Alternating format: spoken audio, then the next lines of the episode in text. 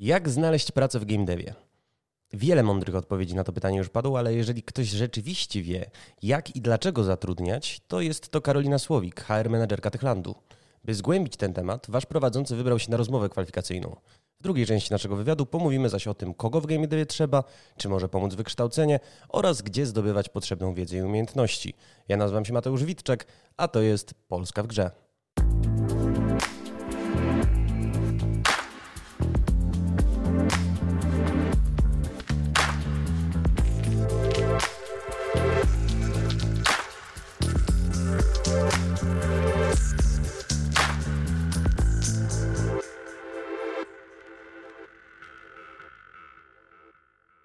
Dzień dobry. Dzień dobry. Ja mam y, usiąść, czy. Cześć Mateusz, bardzo fajnie, że się widzimy. Cieszę się, że udało nam się spotkać. To co, zaczynamy. E, bardzo się cieszę, że zaaplikowałeś i jesteś zainteresowany pracą właśnie w Techlandzie. Więc zaczniemy tak naprawdę od początku. Więc y, powiedz mi proszę, tak dla rozluźnienia, E, co się u Ciebie dzieje? Co się wydarzyło, że właśnie rozmawiamy, że teraz jesteś zainteresowany, no właśnie, rozwojem, rozwojem na nowym stanowisku w, jako Senior Quest Designer? Senior Quest Designer. E, no to nawet nie wiedziałem, że tak wysoko aplikuję. Myślałem, że zacznę od jakiegoś e, juniora. Co się wydarzyło? Wiesz, Zaaplikowałeś co? na seniora. Jezus, no to chyba źle wypełniłem papiery, już pierwsze fopa na wstępie. Jak sobie z tym e, poradzić? Wiesz co, jeżeli się nie mylę, 16 lat y, param się dziennikarką, jak być może wiesz, y, nie jest to zbyt zyskowny zawód, zwłaszcza jeżeli chodzi o y, branżę gier, no i też dobijając 30, no bo już wkrótce w grudniu przekroczę ten milestone, stwierdziłem, że być może warto by było w takim razie zaaplikować o pracę, która gwarantuje mm, etat, ubezpieczenie zdrowotne, umowę o pracę, chociaż nie wiem, czy oferujecie umowę o pracę. Oferujecie umowę o pracę? Tak, jak najbardziej oferujemy umowę o pracę, także to jest właśnie też y, taka forma zatrudnienia, którą po przejściu całego procesu rekrutacyjnego będziemy chcieli prawdopodobnie Ci zaproponować. Dobrze, a y, y, na czym ten proces rekrutacyjny polega y, i co powinienem o sobie powiedzieć, jak powinienem Cię przekonać? Mhm. Więc tak, może zacznę od tego, że ok, jesteśmy jakby w ramach rozmowy rekrutacyjnej, ale bardzo bym chciała i naprawdę bardzo mi zależy, żebyś był cały czas sobą, że, żebyś traktował to jako naprawdę rozmowę, e, która też ci powie, co jest dla ciebie ważne i żebyś też wiedział, i po prostu poczuł, że to jest też dla Ciebie właściwe e, miejsce, jeśli chcesz się rozwijać właśnie w kolejnych, w kolejnych latach. Także pamiętaj proszę, że tutaj nie ma dobrych, złych odpowiedzi, także chciałabym Cię e, też na wstępie uspokoić, że opowiadasz o sobie, o swoim doświadczeniu, a ja chcę Cię poznać e, takiego, jakim jesteś, czyli Twoje doświadczenie, Twoje wartości, to, co jest dla Ciebie ważne i czego Ty, czego ty szukasz i czego chciałbyś na przykład w nowym miejscu pracy doświadczyć.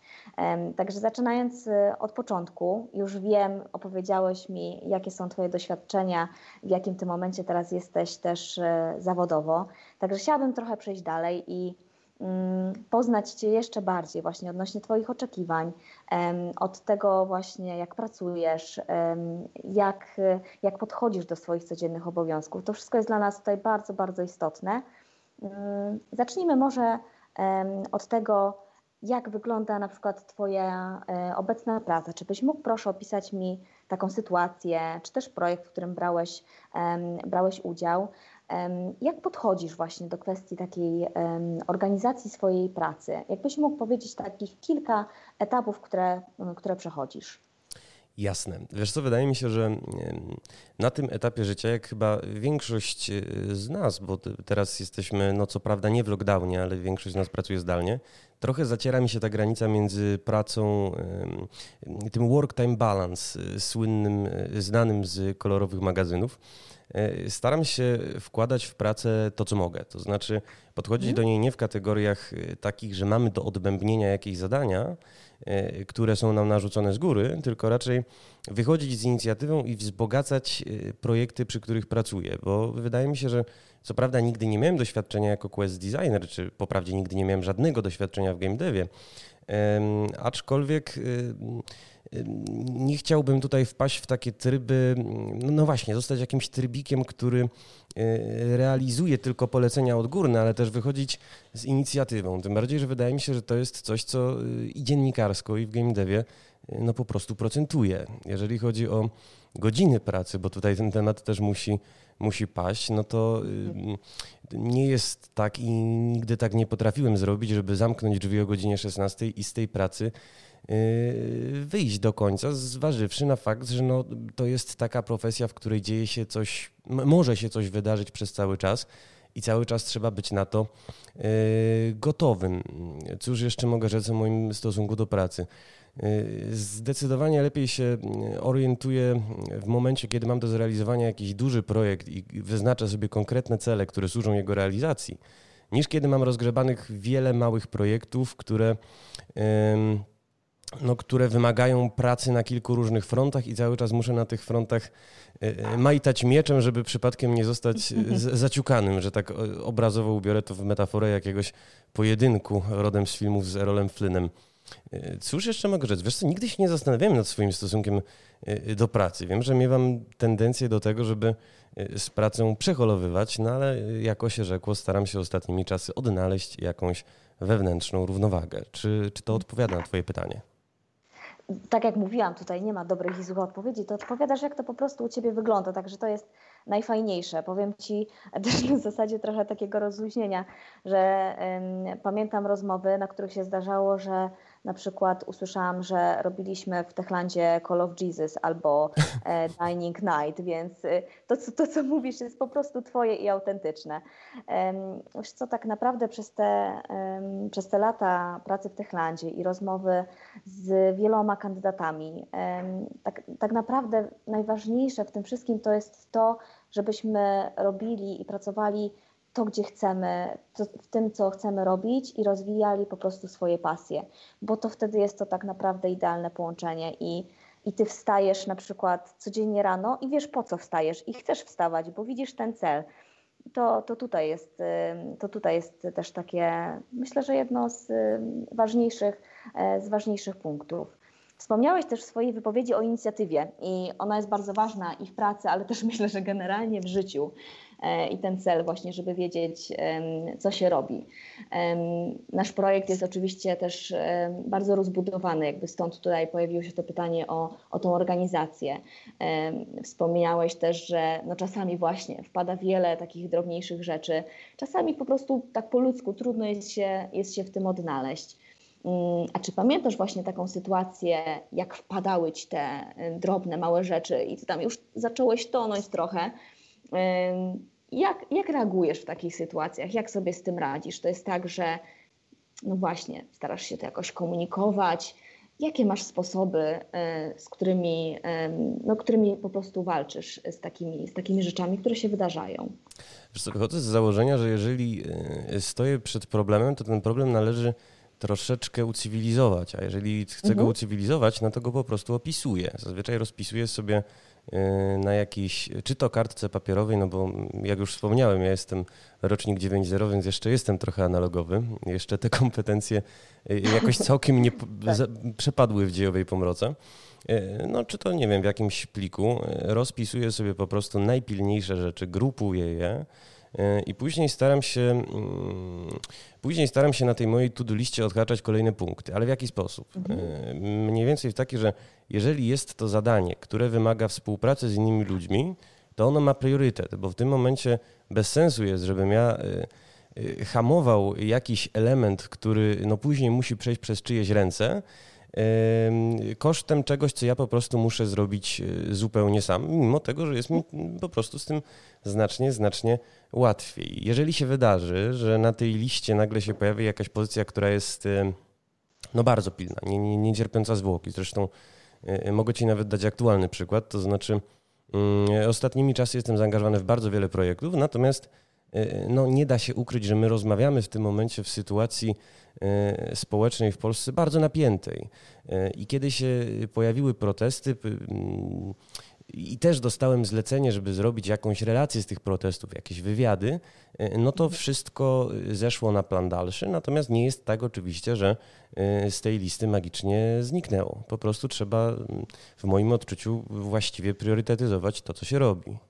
Mhm. Tak, to jest bardzo istotny, bardzo istotny element, ale też dotknąłeś równie ważnego wątku, czyli moment, kiedy tak naprawdę no ty uznajesz, że coś jest zrobione. To jest tak, że to jest twoje na przykład wewnętrzne przekonanie, czy posiłkujesz się tu na przykład, nie wiem, feedbackiem, decyzją, nie wiem, przełożonego? Jak to u ciebie obecnie wygląda i jak ty czujesz, że powinno wyglądać? Nie działamy w próżni. To znaczy, jeżeli czegoś się nauczyłem ze swojej, e, pożar się Boże, kariery dziennikarskiej, to tego, że e, współpraca buduje. To znaczy, e, nie byłbym w miejscu, w którym jestem, gdybym nie miał nad sobą bardzo dobrych redaktorów i nie robiłbym rzeczy, których, które robię teraz, gdyby ci ludzie nie tylko sugerowali mi, co robię y, źle, nie tylko podawali y, sugestie, co mógłbym poprawić, ale gdybym też z pokorą nie podchodził do, do tego, co mówią i jakoś mhm. Y, wojował z nimi w imię, mm, ja wiem, arogancji czy, mhm. czy jakiegoś przekonania o własnej nieomylności. Natomiast nie jest oczywiście tak, że jeżeli zrealizowałem jakiś projekt, włożyłem w, nie, w niego serce, włożyłem w niego dużo pracy, to nie jestem w stanie uzasadnić, dlaczego postąpiłem tak, a nie inaczej. Wydaje mi się, że e, efekt mojej pracy jest też e, czymś, co jestem w stanie obronić, wejść w jakąś e, polemikę. Natomiast pomimo tego, że mm, no, ta profesja, którą się param, wymaga pewnej indywidualności, mhm. no to powtórzę jak refren, nie, nie jesteśmy w próżni, też co prawda nie jest tak, że y, na przykład w tym momencie mam, y, nie wiem, współpracuję z kilkudziesięcioma osobami nad jakimś projektem, y, aczkolwiek no, też jestem w jakiejś strukturze, a co więcej, muszę odpowiadać przed czytelnikiem, który też ma swoje oczekiwania, mhm. swoje zapatrywania. Mhm. I dla niego mm, to robię, więc gdybym się też zamykał na feedback z jego strony, no to byłby to błąd w mhm. sztuce. Mhm. Jasne, bardzo fajnie. A tutaj jeszcze pozwolę sobie wrócić do słowa, słowa kluczowego serce. To jest tak, że często wyrzucasz swoją pracę, w którą wkładasz właśnie to swoje serce do kosza? Jak do tego podchodzisz? Wiesz co, no jak do tego podchodzę? Dam Ci przykład. Nie dalej jak pół roku temu robiłem w szczycie lockdownu taki reportaż o, o seniorach w pandemii. Mhm. No, generalnie o linii y, pomocowej takiej dla seniorów, którzy no, podczas lockdownu mieli znacznie mniej bogate życie towarzyskie, a bardzo często ich życie towarzyskie nawet przed pandemią nie było zbyt rozbudowane no, z, racji, mhm. z racji podeszłego wieku. No i wydawało mi się, że to jest taki temat, który y, rzeczywiście jest y, ważny. Masę telefonów wykonałem, masę no, przefantastycznych historii poznałem. Natomiast mhm. z przyczyn różnych takich powiedzmy proceduralnych ten artykuł się nie ukazał. No i e, cóż mogę rzec? No jeżeli się nie ukazał, chociaż był e, dobry, to wychodzę z założenia, że e, ja już mam jakąś, mimo wszystko bazę, mimo wszystko jakąś korzyść. To znaczy mhm. poznałem fantastycznych ludzi, do których w razie czego się mogę odezwać i którzy no, podzielili się ze mną swoimi historiami. To już jest wartość sama w sobie.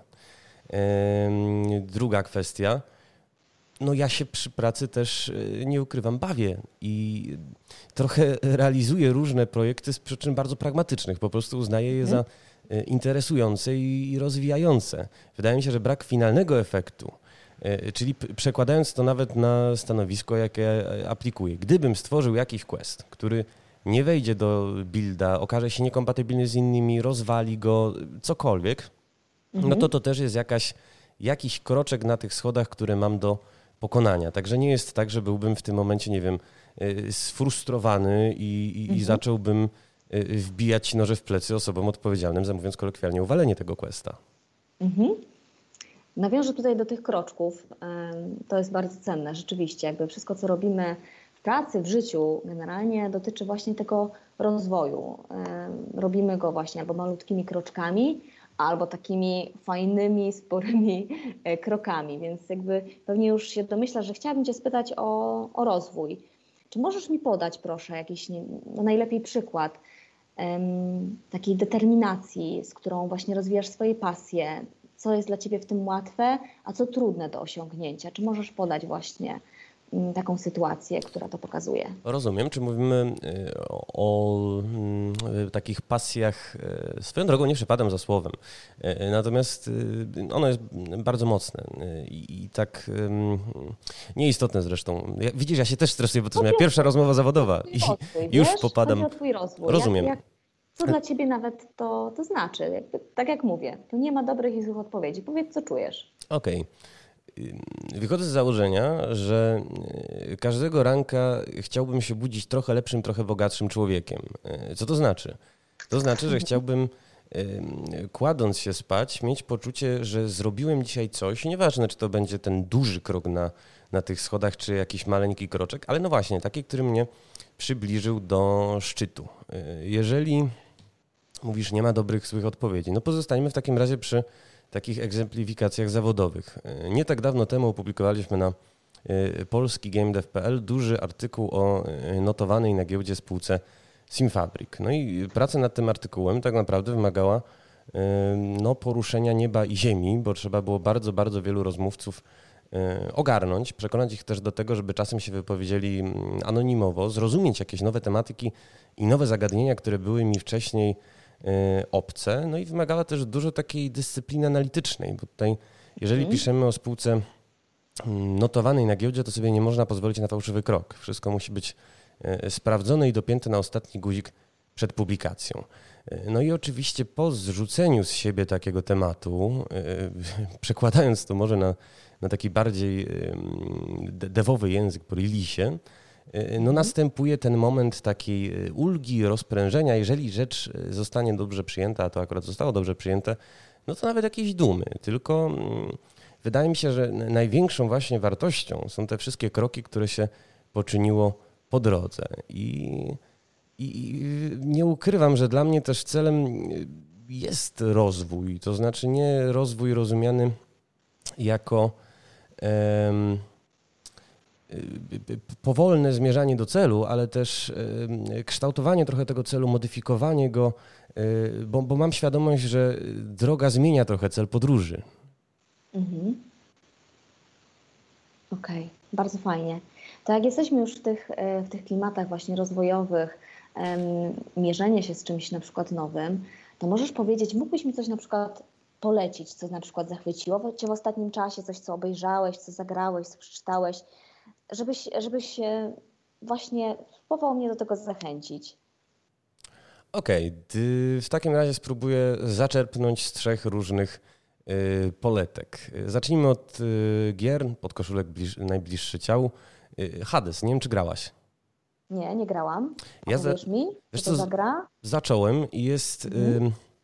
No przyznam szczerze, ja mam dopiero 20 podejść. Rzecz w ogóle toczy się e, no, w tytułowym e, Hadesie, mm, królestwie nomen omen Hadesa. E, I twoim zadaniem jako syna tegoż Hadesa jest uciec z tych wszystkich kręgów piekielnych ku powierzchni.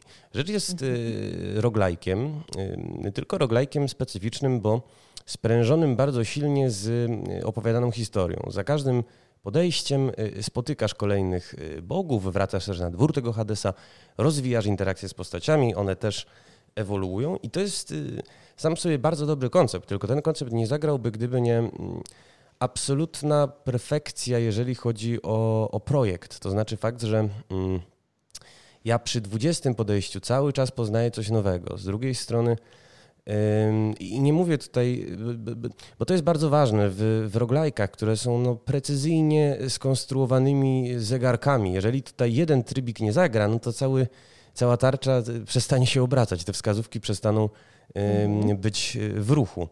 E, no i tutaj mam takie poczucie, że rzeczywiście z każdym kolejnym podejściem ja poznaję motoryczne dziwactwa przeciwników, przed, z którymi się mierzę, natomiast cały czas mam nie tylko te interakcje z bogami, czy interakcje z postaciami niezależnymi, ale też jakieś nowe zajmujące elementy, jakąś e, modyfikację planszy, jakąś, jakiś nowy wariant bossa, nową broń, nowego buffa czy, czy debuffa, jeżeli wpadnę, bo tam również jest Bóg, który gwarantuje ci początkowo debuffy, a później dopiero może, może cię czymś ubogacić. Zresztą chaos, więc nie, nie dziwi taka, takie, takie deale z nim zawierane nie dziwią. I przewspaniały jest ten moment, w którym ty za którymś podejściem nagle sobie zdajesz sprawę, że nie jesteś już poszukiwaczem przygód, który wkracza na jakieś nieznane ziemie, tylko znasz, znasz już te układy poziomów, znasz już te układy wyzwań, chociaż mhm. no jako się rzekło, one się stale modyfikują lekko, ale ty wiesz doskonale, co robisz, wiesz w którym momencie uskoczyć, w którym momencie zaatakować, jak skonstruować w ogóle postać, no bo roglajki opierają się przecież na kombinacjach różnych przedmiotów, które y, podczas tego przejścia, podczas tego przelotu y, możesz sobie, możesz sobie wziąć. I, I, to jest dla mnie. Y, wiesz co, ilekroć gram w dobrego roglajka, przypominam sobie, czym właściwie są gry wideo, bo niezależnie od tego, czy mówimy o skomplikowanym projekcie jak Dying Light 2, czy mówimy o no de facto tekstówce, jak y, Wonderlust Travel Stories, y, wydane przez, przez Walkabout, wyprodukowany przez Different Tales, zapewne ci znane, który jest, no mówię, interaktywnym reportażem. Gra wideo to jest pewien model, a precyzja skonstruowania tego akurat modelu mówię tutaj o Hadesie, jest niezwykła. Jest naprawdę niezwykła i powiem więcej, y, sprawdza się zarówno przy bardzo długich posiedzeniach, kiedy y, no masz taki moment, że możesz wymaksować to, co masz przed sobą i czujesz, że możesz rzucić tej gry rękawicę i ona pewnie podniesie tę rękawicę i cię zresztą walnie nią w zęby. No, takie, jest, takie są niestety żelazne reguły rogalików. Aczkolwiek równie dobrze sprawdza się podczas takich półgodzinnych posiedzeń zresztą, ponieważ teraz prowadzę stresującą rozmowę o pracę, nie wiem, czy nie zakończę jej później właśnie sesją. Stresującą? No, to jest moja pierwsza rozmowa o pracy. Karolina, nie oczekuj cudów. Mateusz, staram się zrobić wszystko, co mogę najlepiej, żebyś naprawdę czuł się, czuł się komfortowo, ale jeżeli... I robisz, robisz. E, masz, mam, jeżeli masz jeszcze jakieś na przykład, nie wiem, pytania albo chciałbyś na przykład pozostać na jakimś wątku, o coś Cię na przykład ciekawi, e, to po prostu dawaj znać, jakby my razem po prostu jesteśmy w tej rozmowie. Mm, bardzo miło takie zapewnienie usłyszeć. Natomiast skoro jesteśmy razem, to ci jeszcze prywatnie polecę dwie rzeczy. Y, mhm. Pierwszą jest książka Sally Rooney Normalni ludzie i to jest Nie ukrywajmy obyczajówka łamana na romans. Natomiast przeczytałem gdzieś, mm, nie pomnę już nawet w jakim medium, bardzo fajną recenzję, w której był chwytliwy slogan, że ta Sally Rooney to jest taka Jane Austen prekariuszy. I coś w tym jest. To znaczy, to jest Krótka w sumie rzecz. Myślę, że możesz ją machnąć, mówiąc kolokwialnie, w ciągu dnia, dwóch. Y, mhm. Historia romansu, takiego bardzo burzliwego y, y, pary no, ludzi nam współ... ludzi z naszego pokolenia, bo to są milenialsi, którzy się mierzą no, z, nie wiem czy jest polski odpowiednik, social anxiety, mierzą się ze stanami depresyjnymi, nie mogą się odnaleźć w tym zalewie przekazów, który serwuje nam współczesny świat, no bo przyswajamy ich wielokrotnie więcej niż nasi y, ojcowie, niż już zwłaszcza dziadkowie. Y, co więcej, no, żyją w momencie, w którym rewolucja seksualna już się dokonała i, i związki nie są takie zero-jedynkowe. Nie jest. Bardzo dużo jest tam dylematów, które ja jako jeszcze relatywnie młody człowiek wpadałem bądź wpadam Y, a zarazem jest napisana w taki sposób dość oszczędny. To znaczy, to nie jest tak, że autorka y, nie wiem, y, zgłębia, to znaczy skacze na główkę w jakieś rozterki tych postaci, tylko raczej pozostawia pewne niedopowiedzenia, ale ponieważ to są wszystko postaci tobie bliskie, no bo są z twojego pokolenia i, i mierzą się z podobnymi problemami, to ty jesteś sobie w stanie przepięknie dopisać ciąg dalszy, przepięknie umotywować te postaci, Y, włożyć te brakujące klocki. I to jest dla mnie no dość ciekawe doświadczenie, tym bardziej, że ostatnio mało czytam literatury pięknej. Jeżeli po coś sięgam, no to raczej są to czy jakieś opracowania, czy, yy, czy książki, mówiąc kolokwialnie, związane y, z moją y, pracą, z jakimś tematem, który realizuję. Natomiast jeszcze bym Ci chciał polecić jedną rzecz, ku pokrzepieniu właściwie jest e, przepiękna, e, przepiękny film dostępny, jeżeli się nie mylę, również na Netflixie. W polskiej wersji to jest Szkoła Melanżu. I ja wiem, że brzmi to kuriozalnie, bo to jest, wiesz, 90 tytuł i, i sugeruje ci, że to jest jakiś film, w którym nastolatkowie organizują tę dużą imprezę na zakończenie high schoolu i już wszyscy mają powybierane uniwersytety, ale jeszcze raz spotkają się, żeby rzucać się do basenu nago i mhm, przeżywać mhm. rozstania i zapewne tak, tak. pierwsze razy. Mhm. I to nie jest właściwie tak odległy opis od tego, o czym on jest, tylko całe złamanie tej konwencji, tego filmu, no, no, no mówię, takiej konwencji bardzo 90 polega to na tym, że wszyscy bohaterowie są współcześni, co więcej są wrażliwi we współczesny sposób. Masz tam dwie bohaterki, które są trochę niedostosowane społecznie, które spędziły no, całe liceum na tym, żeby być jak najlepsze, być jak najlepsze przygotowany na, najlepiej przygotowany na start w dorosłość, w związku z czym trochę się alienowało od reszty grupy. E, no i y, oczywiście stwierdzają, że ten jeden dzień, tę jedną imprezę muszą na niej być i muszą co więcej nadrobić te wszystkie lata takiej pozornej gnuśności. Natomiast stając przed dylematami w tym filmie okazuje się, że e, te archetypy fabularne, ten e, osiłek, który gra w drużynie futbolowej, jest gwiazdą. Y, ta piękna, tleniona blondynka, to są wszystko nie, no właśnie, to nie są archetypy, to są ludzie i oni podchodzą do tych dziewcząt z wrażliwością, z, z takim ciepłem. Wszyscy okazują się, no to jest po prostu miód na serce. Co więcej, film jest przezabawny, bo jest napisany w taki progresywny, feministyczny, bezkompromisowy sposób E, naprawdę, jeżeli pewnego dnia wrócisz po pracy w e, Techlandzie wytyrana i będziesz chciała, żeby e, będziesz potrzebowała, jakie, potrzebowała jakiegoś zastrzyku endorfin, polecam Ci bardzo serdecznie. Mhm. Bardzo dziękuję za te, trzy, za te trzy polecenia. Na pewno będę chciała do nich sięgnąć, także super, super że wybrałeś dla mnie taki zestaw. Ale to nie koniec. Mam jeszcze dla Ciebie pytanie. Wspomniałeś tutaj też nawet w tych E, wątkach polecających właśnie e, czy to grę, czy to książkę, na przykład o tej precyzji, o tym, co jest dla Ciebie ważne, czyli coś, na co chcesz poświęcać swój wolny czas. I chciałam Cię podpytać o, o Twoje wartości. Czy możesz powiedzieć właśnie, co u Twojego obecnego pracodawcy, jakie wartości są y, takie, z którymi Ty się utożsamiasz, a z którymi na przykład niekoniecznie, a, a chciałbyś się z nimi utożsamiać w nowym miejscu pracy? Co to jest?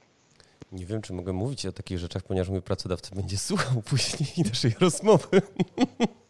to, dobra, wypadłem na chwilkę z roli, ale wracając.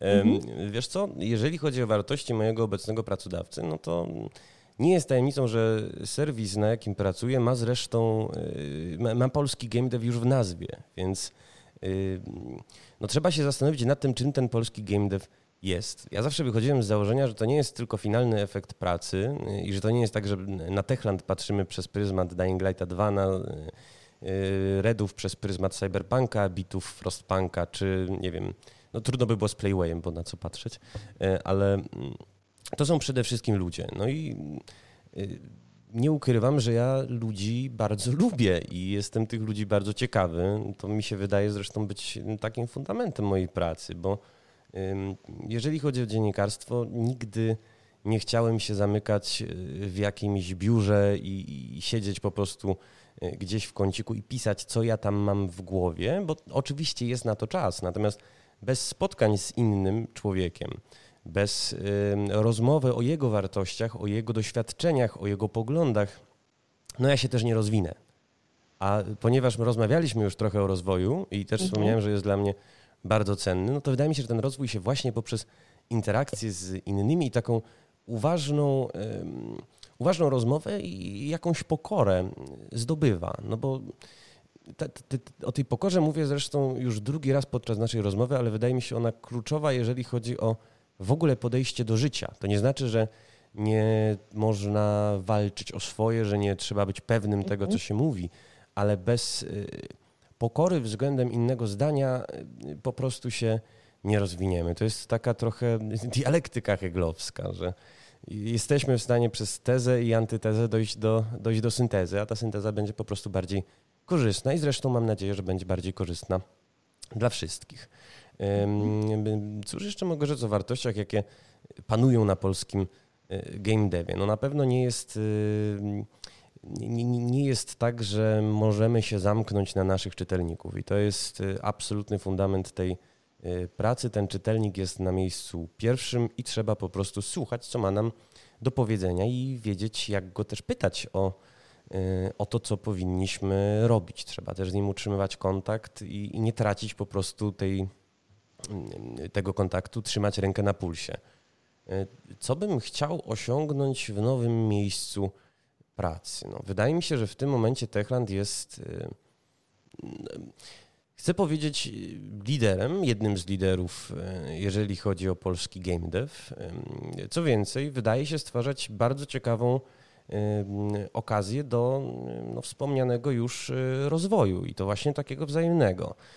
Zważywszy na fakt, że gra, którą tworzycie jest no, bardzo rozbudowanym RPG łamanym na grę akcji, który w dodatku ze względu na zaangażowanie no, bardzo istotnych postaci, jeżeli chodzi o scenopisarstwo growe w Polsce, stwarza po prostu okazję do tego, żeby no, zrobić razem coś fajnego. I, i już pomijając nawet kwestie rozwoju i, i różne frazesy, których mógłbym w tym miejscu użyć, wydaje mi się, że to po prostu może być fajna zabawa. Właśnie o to, o to w tym wszystkim chodzi. Nie zapominajmy, że w branży najważniejszy jest fan. To, to jest to. To jest ten, ten cel po części w każdym, w każdym z nas. Także to jest myślę, że też takie fajne podsumowanie naszej, naszej rozmowy. Mateusz, bardzo, bardzo Ci dziękuję za to, że um, przebrnąłeś. E, bardzo, bardzo fajnie i dzielnie odpowiadałeś. Miałam wrażenie, że odpowiadasz tak z, z głębi swojego serducha i to jest, e, to jest najfajniejsze. Także za to bardzo chciałam Ci e, podziękować. Jeśli chodzi tutaj o teraz, co jeszcze przed nami, bo chciałabym, żebyś wiedział, jak to, jak to będzie jeszcze wyglądało w dalszych krokach. My jesteśmy po takiej pierwszej rozmowie ogólnej, gdzie udało mi się poznać Ciebie, Twoje doświadczenia i, i Twoje wartości. Co jeszcze przed nami? W ciągu najbliższych dwóch dni wrócę do Ciebie z informacją o, o kolejnym etapie. To już będzie e, rozmowa z osobami z Twojego potencjalnego przyszłego e, zespołu. Także ta rozmowa będzie trwała tak do godziny czasu. I tutaj wrócę z tymi informacjami do Ciebie e, drogą mailową. Mm, czy powiedz mi proszę, czy chcesz jeszcze o coś mnie podpytać? Czy jest na przykład jakieś pytanie, którego ja, ja nie zadałam, a, a chciałeś coś jeszcze od siebie dodać? A czy powinienem coś dodawać? Czy będzie to dobrze przyjęte, czy będzie to źle przyjęte? nie ma dobrych i złych odpowiedzi. Możemy, możemy tutaj przejść dalej do kolejnej części naszego wywiadu, jeżeli to jest dla Ciebie też ok. W takim razie przechodzimy. Bardzo dziękuję. Y, Karolina Słowik, Panie i Panowie. I y, zatrzymam sampla. Od razu dopowiem naszym słuchaczom, bo zaczęliśmy tak dość nieszablonowo naszą dzisiejszą rozmowę, że rozmawiamy oczywiście o pracy w game devie i Karolina Słowik z Techlandu była na tyle uprzejma, żeby przeprowadzić ze mną pierwszą w życiu rozmowę kwalifikacyjną. Y, y, Karolina, pytanie podstawowe. Jak wypadłem? Myślę, że jak na Twój debiut, na pierwszą rozmowę, to byłeś bardzo, bardzo dzielny. E, tak wspominałeś trochę o tym stresie. Ja się trochę z, z Tobą razem stresowałam, bo to była Twoja pierwsza rozmowa, ale mam nadzieję, że poszło nam obojgu całkiem nieźle. No ja byłem zaskoczony, bo w ogóle myślałem, Choć wiesz co, ja cię skłamałem w sumie, ja kiedyś miałem rozmowę kwalifikacyjną o, do radia. Nie. A tyle ale, razy prosiłam. Ale no. zapomniałem o tym, słowo daję. Y, y, faktycznie miałem kiedyś rozmowę kwalifikacyjną do radia, która nie poszła, no bo to było radio studenckie, a ja w studenckich czasach byłem dość y, punkowy, jeżeli tak mogę powiedzieć. No i też mhm. przyszedłem po prostu po jakichś dwóch dniach imprez zupełnie w ogóle półprzytomny i tam nie wypadłem najlepiej. No, Natomiast... No byłeś pierwszy w tej roli.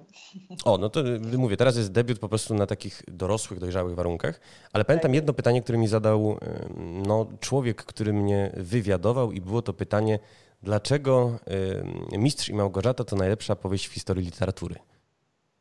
Mhm. Wybrnąłeś? Wiesz co, nie pamiętam, co mu tam odpowiedziałem, ale samo pytanie pamiętam i właśnie się y, z racji też różnych opowieści od znajomych nastawiałem na to, że ty będziesz taką osobą, która będzie starała się mnie gdzieś tam wybić z rytmu i, i sprawdzić, jak na przykład reaguję w sytuacji stresowej albo jak działa moja kreatywność. Mhm. Wiesz co, sytuacje stresowe. Myślę, że mamy tyle stresu dookoła, że tak naprawdę ta rozmowa rekrutacyjna niesłusznie kojarzy się właśnie z tym stresem. To nie, jest, y, to nie jest taki czynnik, że my tutaj chcemy kogoś złapać albo pokazać, że okej, okay, tutaj masz takie słabe strony, a tutaj zależy nam, żeby ktoś się poczuł niekomfortowo. Nie, właśnie wręcz przeciwnie. To im lepiej ty czy każdy po prostu e, z nas wypadnie na rozmowie e, rekrutacyjnej, to, to jest jakby z pożytkiem dla obu stron. Nie bez przyczyny tutaj też wysyłamy informacje, jak się przygotować do tej rozmowy, o co, e, o co będziemy pytać, jak wyglądają te etapy. To jest właśnie to pokazanie takiego poczucia, poczucia komfortu.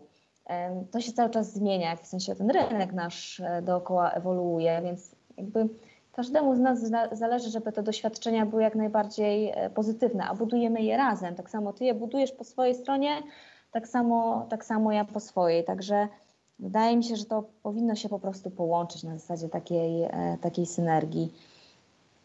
Y, tak tutaj myślę, że to ujęła. Muszę Cię jeszcze dopytać, bo tak zasugerowałaś mi te kolejne kroki. Wiem, że w takim razie, gdybym, gdyby to była faktyczna rozmowa o pracę, y, no to mhm. musiałbym później spotkać się godzinę z no, moim potencjalnym przełożonym. Jak takie spotkanie wygląda? Mhm. Tutaj wiesz co, to jest też bardzo ważne spotkanie, bo tutaj ty dostajesz też informacje, jak się współpracuje, rozmawiasz bezpośrednio z osobami właśnie z Twojego potencjalnego przyszłego teamu, więc e, też masz okazję przede wszystkim po Twojej stronie podpytać, jak to wygląda e, i poczuć ten klimat, bo bo to jest tak naprawdę tutaj najważniejsze, nie? Jeżeli poczujesz takie ciarki, że kurczę, widzisz się już w tym miejscu e, siedzącego na przykład, o, by the way, pozdrowienia od Sika. Też pozdrowić, no to proszę. To, to, jest, to, to, są, to, to są te elementy. Te, te, rozmowy już dotykają kwestii, nurkują bardziej w Twoje doświadczenia, w to na przykład, co, e, co udało Ci się zrobić, albo jeżeli Ci się nawet nie udało, bo to też jest ok to, to dlaczego? To czy masz na przykład um, taką refleksję, co to mogło spowodować, albo mierząc się po raz kolejny na przykład z daną sytuacją, co już wiesz, żeby zrobić inaczej, lepiej, to, to dotyczy każdego z nas. Także um, myślę, że powinniśmy zacząć trochę obalać ten mit takiej stresującej rozmowy rekrutacyjnej. Czy w ogóle w naszej branży to jest super i ja to kocham, że y, u nas nie trzeba się ubierać y, w garnitury. My naprawdę zachęcamy też do tego, żeby być sobą na tej rozmowie. Jeżeli na co dzień chodzimy w obdartych jeansach, przyjdźmy w obdartych jeansach. Jeżeli czujemy się fantastycznie w innym e, outficie, po prostu bądźmy sobą. Także to, to jest tutaj największa, największa wartość. Nie możemy o tym zapominać. Zwróciłem w ogóle uwagę podczas rozmowy, że nie zapytałaś mnie na przykład o kwestie związane z wykształceniem. No i to jest taki, takie pytanie, które wraca jak bumerang i bardzo różni ludzie udzielają różnych odpowiedzi. Jestem ciekaw Twojej. Czy wykształcenie mhm. może pomóc e, i czy w ogóle zwracacie na nie uwagę podczas takich rozmów? Bardzo, bardzo dobrze, że o to pytasz, bo rzeczywiście to jest też e, częste pytanie od kandydatów na targach pracy, e, czy też na naszych właśnie spotkaniach ze, ze studentami, którzy gdzieś tam szukają tej swojej ścieżki rozwoju. I jeżeli na przykład chcą się rozwijać w grach, no to chcą wiedzieć, najlepiej, żeby podać im na przykład, nie wiem, kierunek, że jak skończą ten kierunek, to, to na przykład dostaną pracę w game devie. Ja powiem tak, mamy w naszym zespole techlandowym nawet doktora mm, parazytologii, e, czyli nauki o pasożytach. E, mamy osoby po chemii. To wykształcenie naprawdę tutaj nie jest tym czynnikiem, który sprawia, że robisz to, co chcesz, albo na przykład jeżeli chcesz pracować w game devie, to to to wykształcenie to sprawi, ono ci pomoże, ale nigdy też nie jest za późno, żeby to zmienić na jakimś etapie życia. Mm, jest wiele historii, że na przykład osoby pracowały x lat na przykład w, w korporacji nad aplikacjami bankowymi, e, ale na przykład po godzinach grały i to była ta prawdziwa pasja. Więc to zależy, w którym momencie życia odpowiesz sobie na to pytanie, co chcesz robić i potem właśnie ten rozwój i determinacja, jak do tego dążysz, bo to się udaje. I to wykształcenie to jest na zasadzie pomocy, ale też to nie jest jakby wyznacznik, czyli odpowiadając jeżeli na przykład w swoim CV uwzględnisz tą informację, ale ona nie będzie tutaj um, pokazywała tej zbieżności z tym, na jakie na przykład stanowisko aplikujesz, ale masz na przykład doświadczenie, które to pokazuje, masz portfolio z pracami, które są absolutnie najlepsze w Twoim dorobku i one to pokazują, to to jest tutaj najważniejsze. Właśnie Cię miałem nawiasem mówiąc pytać, czy wiek nie bywa barierą, bo ja jeszcze jestem w takim momencie, że ta mobilność zawodowa jeszcze wydaje mi się, przynajmniej tak domniemuję, mogłaby zaistnieć, ale czy na przykład y, macie w Techlandzie osoby, które y, w wieku 35-40 lat dopiero co się na przykład zaczęły wiązać z game devem? Tak, tak, te historie są różne. Oczywiście, moim zdaniem nigdy nie jest za późno. To jest, y, to zależy od każdego człowieka. Każda historia jest inna, także trudno tutaj też generalizować, ale mm, mam nadzieję, że tutaj będzie nas słuchać e, czy też czytać wiele osób. Ja naprawdę gorąco zachęcam do tego, e, że jeżeli już czuje się w danym momencie, że tą ścieżkę chce się zmienić, to po prostu trzeba zacząć to robić od teraz i sprawdzić właśnie, co poczytać, co posłuchać, e, gdzie pójść, e, na jaki, na jaki kurs się zapisać, albo po prostu robić coś hobbystycznie w domu. To, to samo przychodzi. A co mi może pomóc zdobyć pracę w game devie? Wiem, że to pytanie pada wiele razy, ale wydaje mi się, że słuchają nas też osoby młode, czy będą nas czytać osoby młode, Y, które no, chciałyby jakoś zwiększyć swoje szanse w tym no, lukratywnym, i mówię tutaj nie tylko o takich korzyściach ekonomicznych, ale też pod względem samorozwoju, segmencie gospodarki. Mhm. Wiesz co, na, rzeczywiście to jest bardzo też częste pytanie, jak na przykład, czy, czy to ja, czy to zespół rekrutacji, czy też osoby z naszego developmentu, które e, wspólnie z nami są na naszych stoiskach e, i, i sami słyszymy bardzo często te pytania.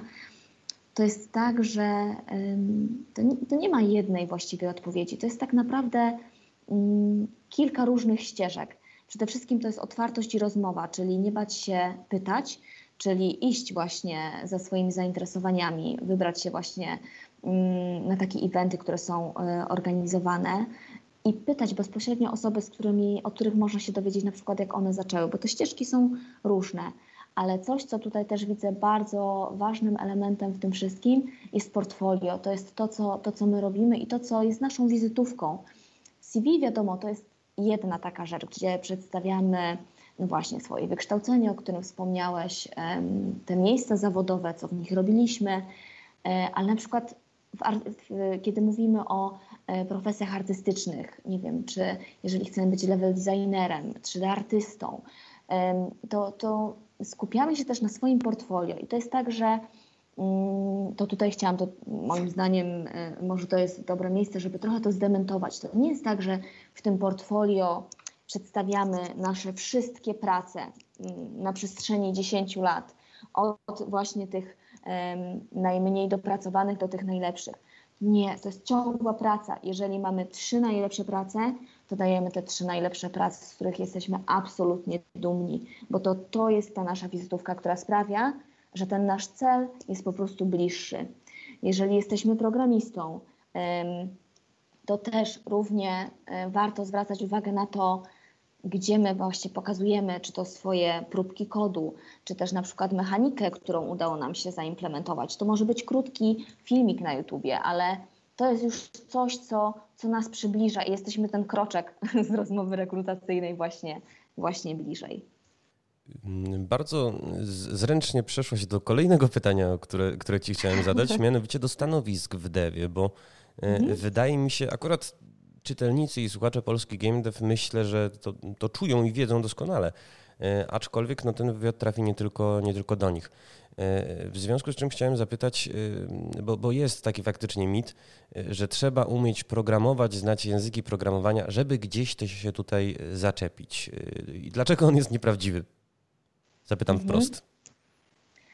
No właśnie, to jest tak, że mm, to wykształcenie to jedno, to tutaj o tym wspominaliśmy, ale też bardzo się cieszę, że, że o tym rozmawiamy, że branża game developmentu to, mm, to jest oczywiście osobna, e, osobna specjalistyczna, tutaj bardzo rozwojowa w obecnym czasie e, branża. Natomiast tutaj jest wiele pozycji i ról, gdzie można się rozwijać, to znaczy oprócz tych stanowisk stricte w developmencie, mamy też, mamy też pozycje w działach wspierających, e, czy to w marketingu, czy też na przykład w, w dziale, z którego ja się wywodzę, czyli e, w HR-ze. To jest tak, że te stanowiska są i możemy tutaj rozwijać właśnie e, swoje pasje. Jeśli chodzi o ścieżkę programistyczną, to tutaj właśnie jakby znajomość języków programowania to jest jeden, jeden, z, jeden z tych elementów, czyli ten warsztat pracy. No musimy mieć pewien pułap tutaj kompetencji, żeby móc właśnie wejść w projekt efektywnie i współpracować z zespołem, ale też pamiętajmy o tej motywacji, która jest za tym, bo to jest tutaj też bardzo, bardzo istotne tworząc gry komputerowe, my tak naprawdę dajemy produkt, który jest konsumowany na całym świecie. I, I to jest naprawdę niesamowita i unikatowa branża, która daje tą możliwość połączenia tego, co się robi nawet technicznie, ale z tym elementem takim twórczym, kreatywnym i no właśnie, który jest potem dla całego świata. I to jest ogromna presja, ogromna presja, ogromne wyzwanie, ale też ambicja, która we wszystkich nas drzemie. Mhm. Mm, tylko właśnie, żeby się tego nie bać, tego spróbować, dlatego ja też gorąco zachęcam. Nieważne, nieważne stricte, czy, czy jesteśmy na przykład programistą, ale nawet jeżeli jesteśmy, nie wiem, w branży finansowej, to te stanowiska też są. Jeżeli po godzinach gramy, to możemy, możemy też pracować w takim miejscu, gdzie będzie to połączone z, z naszą pasją.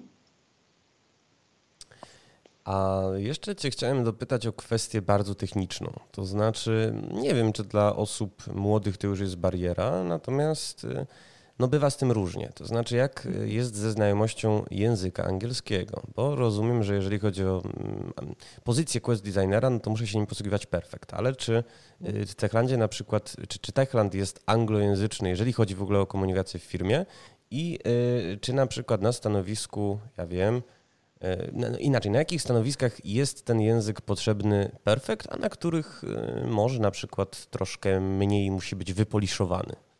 Mhm. Więc to jest tak, że generalnie język angielski, myślę, że można powiedzieć w obecnych czasach, to już jest, stał się takim standardem mhm. E, w Polsce. Także tak naprawdę w większości już ofert pracy, nawet jak zobaczymy e, na portalach, to ten angielski się pojawia, że on musi być co najmniej na przykład w stopniu komunikatywnym. I teraz jak, jak to wygląda w Techlandzie? Rzeczywiście my na w zasadzie wszystkich stanowiskach, w większości stanowisk wymagamy języka angielskiego na takim właśnie poziomie komunikatywnym, e, mogę powiedzieć na przykład w skali takim na poziomie B2, to jest tak, że no właśnie, jeśli jesteśmy w developmencie, w projekcie, no to, no to ten język angielski tam się pojawia. Komunikację prowadzimy dwutorowo, czyli e, komunikaty są e, przedstawiane w języku angielskim i polskim. w związku z tym, żeby właśnie każdy też czuł się komfortowo. Mamy osoby, które pracują u nas e, i posługują się właśnie językiem angielskim, więc po prostu dla komfortu nas wszystkich ten polski, angielski e, tutaj, e, tutaj jest. I tak, jest to też, też nasze wymaganie. Mm, rozumiem, a może w takim razie ucieknijmy od wymagań i przejdźmy do mitów. Trochę dzisiaj mówiliśmy podczas rozmowy o mitach greckich, bo ci chciałem Hadesa w cudzysłowie sprzedać, ale jest też taki mit związany z pracą w game devie, mianowicie od y, testera, od QA wyżej. Tam do, do, bohatera nie chcę mówić, bo y, wydaje mi się, że mhm. testerzy też y, bohaterami przecież bywają i są też ludzie, którzy przecież odnajdują się tej pracy i, i siedzą w niej no, całe swoje życie zawodowe. Na ile mhm. tester to jest dobry start w takim zespole? Czego się od testerów oczekuje? I czy moglibyśmy jeszcze rozbroić przy okazji drugi mit, mianowicie, że to jest praca, która polega na tym, że grasz w gry i jeszcze ci za to płacą? tak, dokładnie. To się bardzo często pojawia właśnie, czy to też na, i na kursach, i na też takich debatach e, z, z cyklu e, w, w branży game devowej właśnie, od, od testera, dokładnie ta ścieżka. Jak najbardziej fajnie jest, e, fajne jest to, że też o tym rozmawiamy. To jest tak, że oczywiście każda historia jest inna, bo znajdziemy osoby, które rzeczywiście zaczynały od testera, grając i właśnie chcąc robić to w pracy, co robią na przykład z pasją po godzinach, to to jest bardzo fajne, to, to cały czas jest ok. I, I takie historie są, ale właśnie to jest też tak, że są osoby, które chcą być tymi testerami i rozwijają się i są w tej swojej działce absolutnie na przykład masterami. Ale też to, to, nie jest tak, że, że to jest, zaczyna się tylko od roli testera. Można zacząć od, od roli, nie wiem, e, animatora i przejść na przykład do innego zespołu, albo można być programistą technologii i przejść do, do strony gameplayowej, czyli też zmienić ten profil. Mm, trzeba patrzeć, wydaje mi się, na to wszystko trochę szerzej, że nie od tego właśnie przysłowiowego testera, tylko od to, gdzie jesteśmy, co chcemy robić i w jakim kierunku się rozwijać. To może być tester, ale równie dobrze to może być właśnie programista, animator, level designer. To będzie się różnie tutaj e, przeplatało latało. I to jest tak naprawdę fajne i rozwojowe. Fajne, rozwojowe i teraz pytanie, jak płatne? Ja wiem, że to jest pytanie bardzo trudne, natomiast y, no, ja jako obserwator tego, co się dzieje w game devie, ostatnie dane na ten temat mam, jeżeli się nie mylę, z raportu Krakowskiego Parku Technologicznego sprzed dwóch lat i są to siłą rzeczy dane bardzo nieaktualne, no bo płace w game devie rosną y, dynamicznie. Y, gdybyśmy mogli no, trochę też opowiedzieć naszym słuchaczom i czytelnikom, no, ile w game devie się zarabia. Mhm. Więc tak, jeśli chodzi o to, jak wygląda to w game to myślę, że przede wszystkim, ale to nie powiem nic odkrywczego, to zależy przede wszystkim od stanowisk. To zależy od stanowisk, od doświadczenia i tutaj też a propos tej rozmowy rekrutacyjnej, nie ma dobrych i złych odpowiedzi. Każdy ma inne doświadczenie i, i ten, ten zespół kompetencji, które, które sobą reprezentuje. Także mm, ja też zachęcam, jeżeli bierzemy udział w, w rozmowach rekrutacyjnych, to powiedzmy to, jak chcemy, właśnie jak czujemy, jak to wygląda u nas. Mm, bo to jest tak, że generalnie w większości przypadków myślę, że mogę powiedzieć, że pracodawcy są otwarci e, tutaj na usłyszenie po prostu autentycznej e, informacji, do której po zakończonym procesie rekrutacyjnym będą mogli się odnieść. I znowu, to jest tak, że często, często na przykład mamy też historię, że mamy rekrutację na przykład na jakieś stanowisko, a w, a w toku rozmów okazuje się, że tak naprawdę na przykład, nie wiem, może ta osoba mm, może ta osoba mieć gdzieś kompetencje, e, gdzie pasowałaby na przykład do innego zespołu. Także starajmy się tutaj patrzeć na to otwarcie, nie bójmy się tych, tych naszych odczuć, tego co chcemy i wynagrodzenie to jest, to, to jest jeden z tych e, elementów. Także oczywiście nie mogę tutaj podać informacji o widełkach, bo to jest y, e, tajemnica e, mhm. organizacji. Natomiast, tak jak mówię, nie ma dobrych i złych odpowiedzi nawet na rozmowie rekrutacyjnej, zapytani właśnie o nasze oczekiwania finansowe. Po prostu powiedzmy, jak to wygląda. I to jest fair. I też się nie warto stresować, co jest dobrą kropką, aczkolwiek muszę dopytać Cię o jeszcze jedną rzecz, ponieważ y, zwróciłaś uwagę w poprzedniej wypowiedzi, że zdarza Ci się podczas rozmowy na przykład wykryć w kandydacie jakieś kompetencje, które by go predestynowały do pracy no, w, na innym stanowisku niż się ubiega. Y, mhm. Czy ja bym pasował na quest designera, czy faktycznie byś mnie chciała oddelegować gdzieś indziej? To znaczy tak, generalnie tutaj mamy dział e, narracji właśnie blisko, tutaj jest też działka oczywiście questów, Także to jest tak, że my przesyłamy na przykład takie informacje po takiej rozmowie do właśnie tego obszaru, gdzie dział mając, jakby wiedząc, co jest dla niego istotne, potrafi wyłapać te wszystkie, te wszystkie rzeczy i sprofilować już tak kolejną rozmowę, żeby ona znowu była najbardziej wartościowa i dla nas, e, i też dla Ciebie, bo e, im mniejsza ilość właśnie tych etapów, e, które, z którymi się mierzymy w procesie rekrutacji, no tym lepiej, w sensie oszczędzamy czas, to jest E, efektywne i o to tutaj, e, o to tutaj chodzi. Także jak najbardziej ta, ta ścieżka e, w Twoim przypadku byłaby, byłaby dalej kontynuowana, ale patrzymy generalnie to szerzej, w sensie tutaj specjaliści z, z tych obszarów są tak dobierani do tych rozmów, żeby jak najbardziej tutaj to adekwatnie ocenić. Karolina, pozostaje mi w takim razie życzyć Techlandowi wielu dobrych kandydatów, Tobie wielu udanych rekrutacji i tego, żeby ta ścieżka no, jakby u celu tej ścieżki no, znalazł się po prostu jeszcze fajniejszy, jeszcze większy, jeszcze bardziej kompetentny zespół i we Wrocławiu, i w Warszawie. Tymczasem bardzo Ci dziękuję za to, że podzieliłaś się z nami no, swoimi doświadczeniami i że odbyłaś ze mną pierwszą prawdziwą rozmowę kwalifikacyjną w życiu. Bardzo też stresującą dla mnie. Uwierz mi, że nie jestem przyzwyczajony do tego, żeby. No, jak, jak mówię, zazwyczaj jestem po prostu obwieszony tutaj kartkami, notatkami, a tak się nawet nie wiedziałem, na co przygotować i muszę przyznać, że no nie wyobrażam sobie lepszej osoby, żeby taką rozmowę odbyć. Cały czas się czułem y, na tyle komfortowo, na ile to możliwe. Dzięki raz jeszcze. Moim i państwa, Dziękuję bardzo. Moją i Państwa gościnią była Karolina Słowik z Techlandu. Nagródźmy ją brawami.